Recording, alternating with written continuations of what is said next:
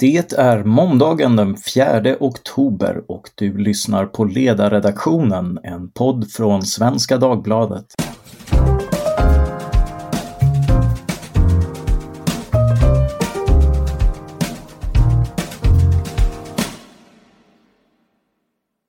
Jag heter Mattias Svensson och dagens ämne är Lars Vilks, hans liv och gärning.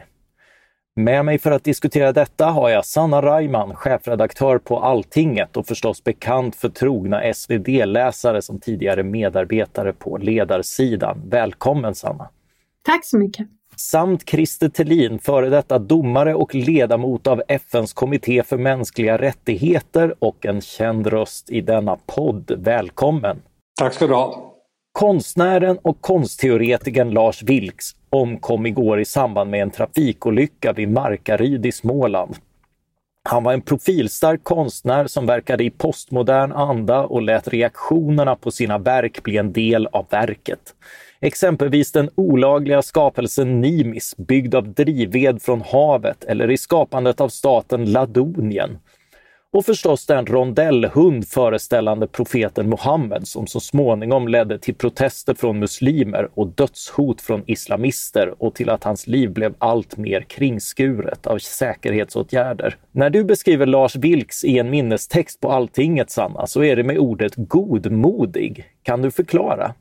Ja, alltså jag tänker väl på, på personen. Jag var inte eh, jätteväl bekant med Lars Vilks men alla gånger jag träffat honom så är det på något sätt den känslan som, som han utstrålar och även i sitt förhållningssätt eh, på något sätt alltid i alla de olika verk han har iscensatt och, och debatter som har kommit runt om och sådär så känns det som att han, han står där i de där stormarna och är tämligen road och godmodig.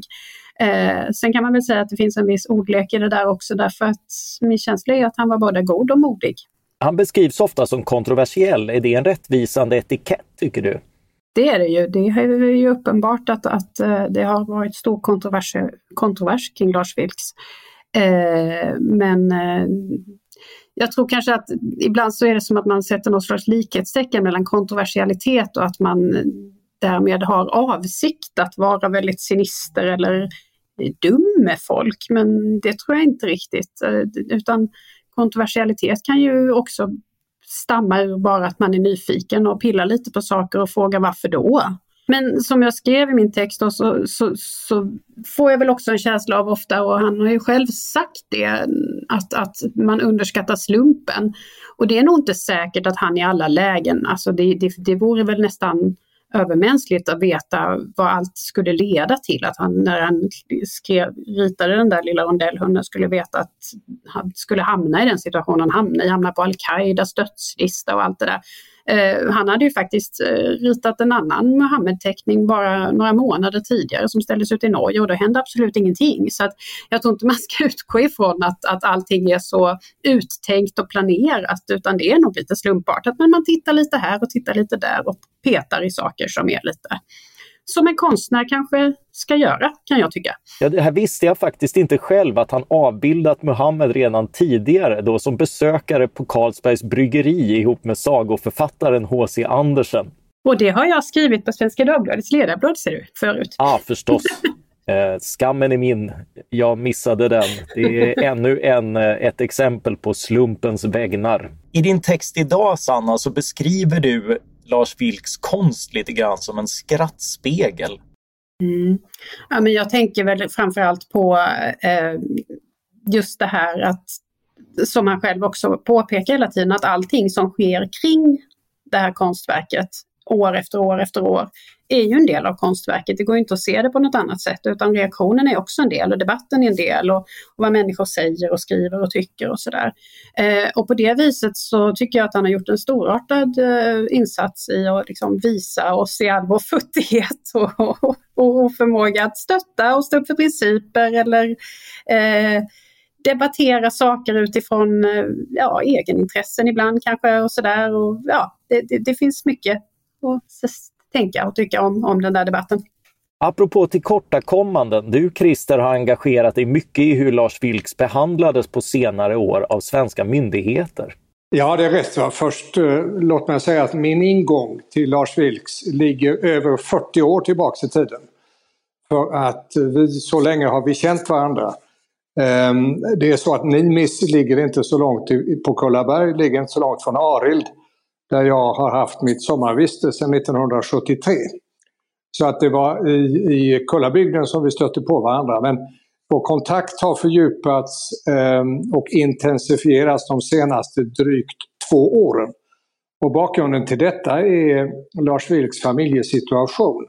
Han har haft en partner sedan 35 år och denna partner har varit verksam utomlands.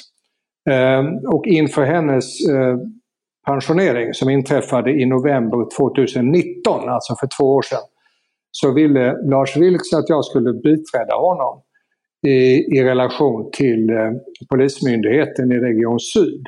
För att, så att säga, förbereda polisen på att hans familjesituation skulle komma att förändras då per eh, november 2019. Bakgrunden ska man då ha klart för sig är att 2010 så beslöt rikspolischefen att, och det var med tanke på den här självmordsbombaren i Stockholm, som ju hade Lars Vilks eh, som ett utav sina hotobjekt. Eh, när den utlöses, den självmordsbomben, så därefter beslöt eh, rikspolischefen att Lars Vilks skulle få personskydd. Det var alltså ingenting som Lars Vilks själv hade begärt utan det beslöt man ex officio i Stockholm. Och sen delegerade rikspolischefen den praktiska tillämpningen, den operationella verksamheten ner till numera Region Syd i, i Malmö. Så Det är alltså bakgrunden eh, till varför vi hade det här mötet, Lars Vilks och jag, med polisen i, i Malmö i sommaren eh, 2019. Jag kan konstatera att efter två år hände absolut ingenting. Utan istället så kom eh, relationen mellan å ena sidan Vilks och hans partner och polisledningen och eh, de som hade hand om styrandet utav personskyddet att bli mer frustrerande och mer, och mer komplicerat.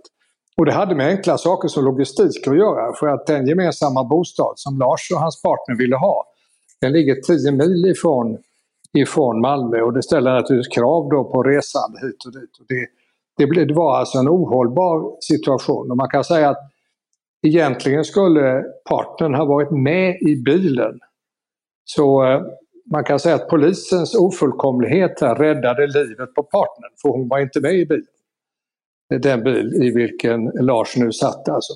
Men eh, för min del så står det klart att polisen har tyckt att det var bekvämt att bara ha hand om Lars och ville inte acceptera att han numera var två. Och det ledde till den här, de här slitningarna, de här frustrerade känslorna på, på, på olika håll. Sen är Lars till sin natur och har alltid varit en stoisk eh, och rätt så lågmäld person. Det är ingen påstridig man som, som dunkar i bordet och hävdar sin rätt och sådär. Däremot är hans partner lite mer eldfängd. Eh, om jag kan förstå båda så att säga i, i relationen. Men det tragiska här är att istället för att dessa två skulle kunna få njuta ett liv tillsammans på sin ålders höst så är nu hans partner änka efter det som hände i natt. Eller igår eftermiddag. Är det en rimlig förväntan ändå att eh, det är ju ändå till betydande kostnader det här skyddet. Är det en rimlig förväntan att eh, skyddet även täcker ett eh, liv ihop med ens partner?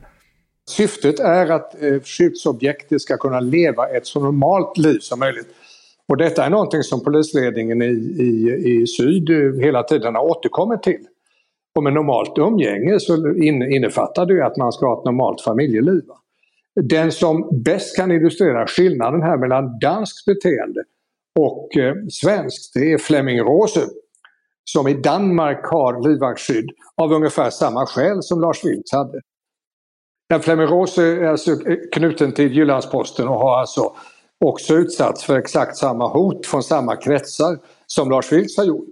Jag också skrev, eh, jag tror att det var i förra året, på Dagens Nyheter en artikel på DN Kultur där han beskrev skillnaden som han uppfattade mellan hur svensk polis hanterar skyddet utav Lars Vilks och hur dansk polis hanterar hans eget skydd. Och det var som natt och dag.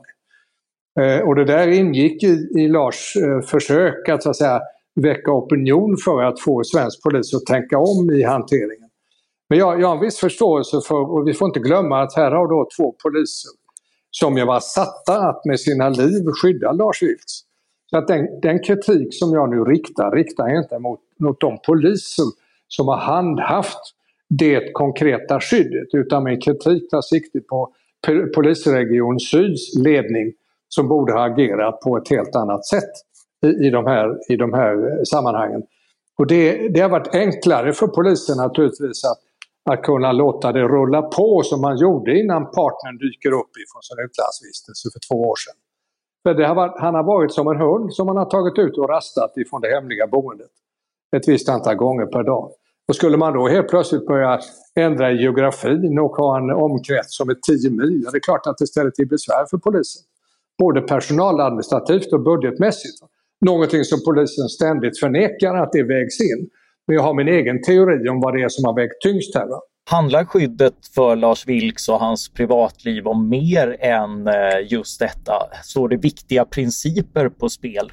Absolut, enligt min mening. Och jag är färgad här utav min verksamhet i FNs kommitté för mänskliga rättigheter. För 2009 så antog kommittén ett heligt uttalande och då ska man veta att fyra av de 18 ledamöterna i kommittén kom från muslimska länder. Där vi sa att förbud mot hädelse är helt oförenligt med yttrandefriheten. Punkt! Inga invändningar, inga undantag. Och det där såg vi som en stor seger. Så att man kan säga att den som inte ger skydd och respekterar på det allmänna sida Lars Vilks rätt att vara blasfemisk. Denne har inte gjort sin plikt gentemot yttrandefriheten. Så därför är det viktiga principer som står på spel.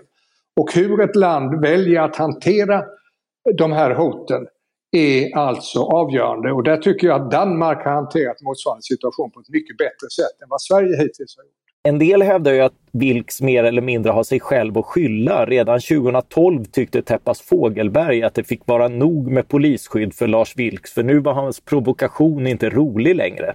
Är det inte vad man har att vänta sig om man provocerar muslimernas heligaste figur? Ja, fast det, det spelar ingen roll. Det är väl nästan poängen med provokationen, är det på att säga att man kan vänta sig reaktioner. Eh, det ligger i sakens natur om man vill, gå in, vill peta på en blasfemi, eh, ett blasfemiförbud.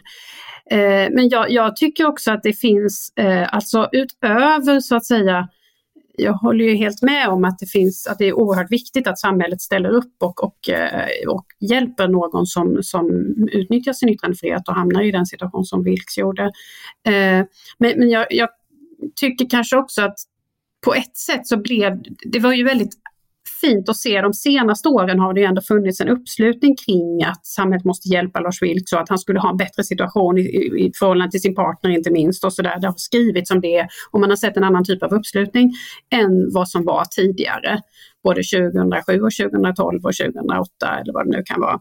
Eh, så har det ändå funnits det, ett, ett stöd som jag väl någonstans tycker att det vände i och med attentatet i Köpenhamn och i och med Niklas Orenius bok om man ska vara krass, därför att då blev det lite mer mainstream att ställa upp på Vilks. Eh, eh, men, men det är väl det också som, alltså, utöver att samhället ska utsträcka resurser för att eh, markera att vi, vi liksom, yttrandefriheten är central, så tycker jag att det är minst lika viktigt att samhällets olika viktiga och tunga företrädare etablissemangspersoner i debatten måste vara med och sluta upp kring den normen, inte bara med en sorts läpparnas bekännelse som sen följs av 10 000 spaltmeter kritik. För det är ju så det har varit under väldigt lång tid.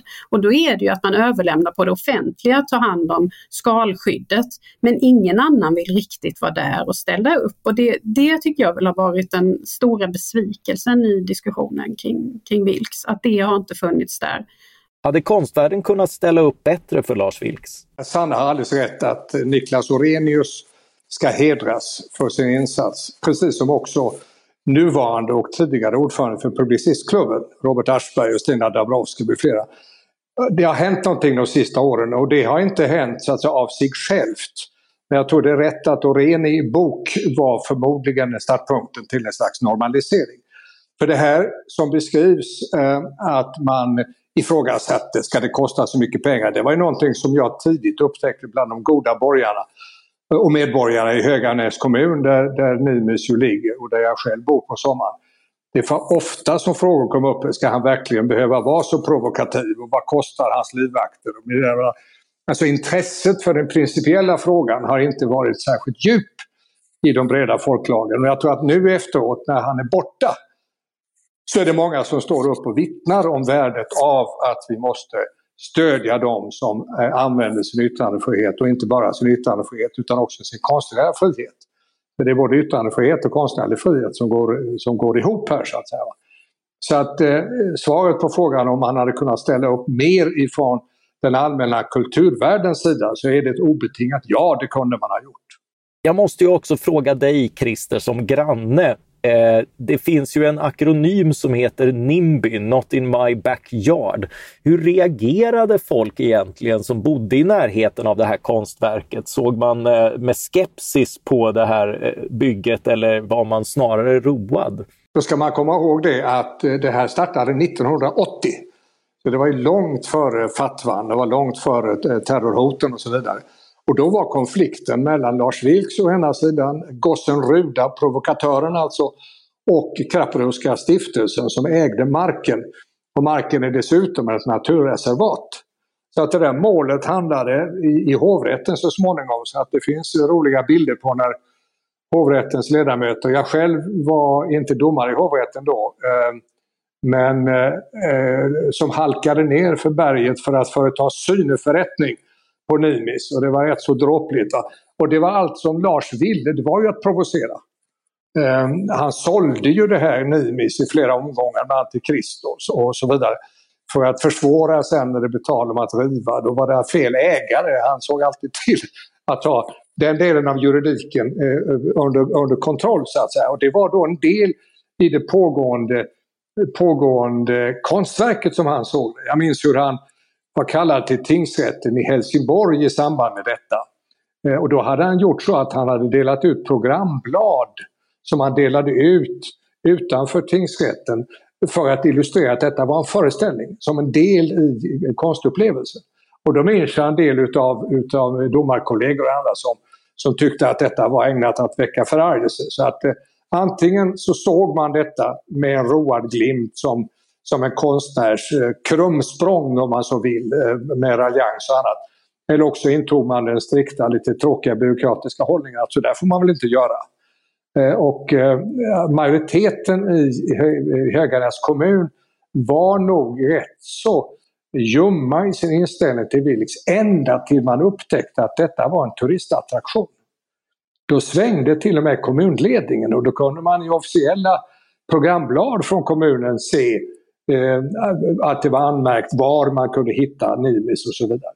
Vilket gjorde att Länsstyrelsen, den statliga instansen, de var aldrig roade av detta. De har alltid intagit en negativ hållning till Vilks. Ja, Lars Vilks är ju en del av islamisternas växande anspråk på tysta konst och satir. Salman Rushdies satansverser, de danska Muhammed-karikatyrerna och franska Charlie Hebdo har på senare år utsatts för ett flertal blodiga terrorattentat. Vilks har själv undgått en sån attack mot en debatt i Köpenhamn. Eh, vad finns att säga om det här hotet?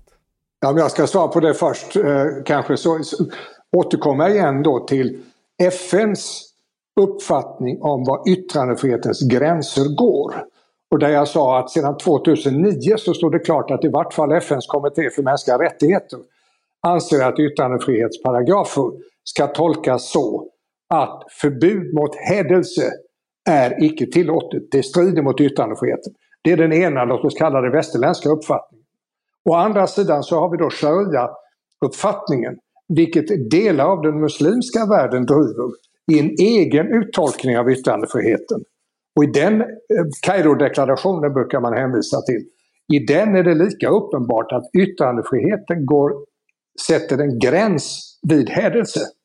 Det är därför man i sharia då har förbud mot hädelse. Och det där väcker enorma känslor naturligtvis i den muslimska världen. Så här står två distinkta synsätt mot varandra.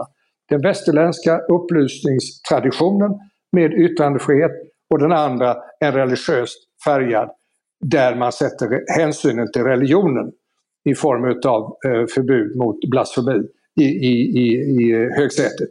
Och de går inte att förena, man måste välja. Man ser ju hur ensamt det blir när man gör, eh, om man bestämmer sig för att så att säga bryta mot de här metafysiska förbuden som, som eh, eh hädelselagar och liknande ju är, som vi rimligen inte erkänner i en normal eh, demokrati med yttrandefrihet.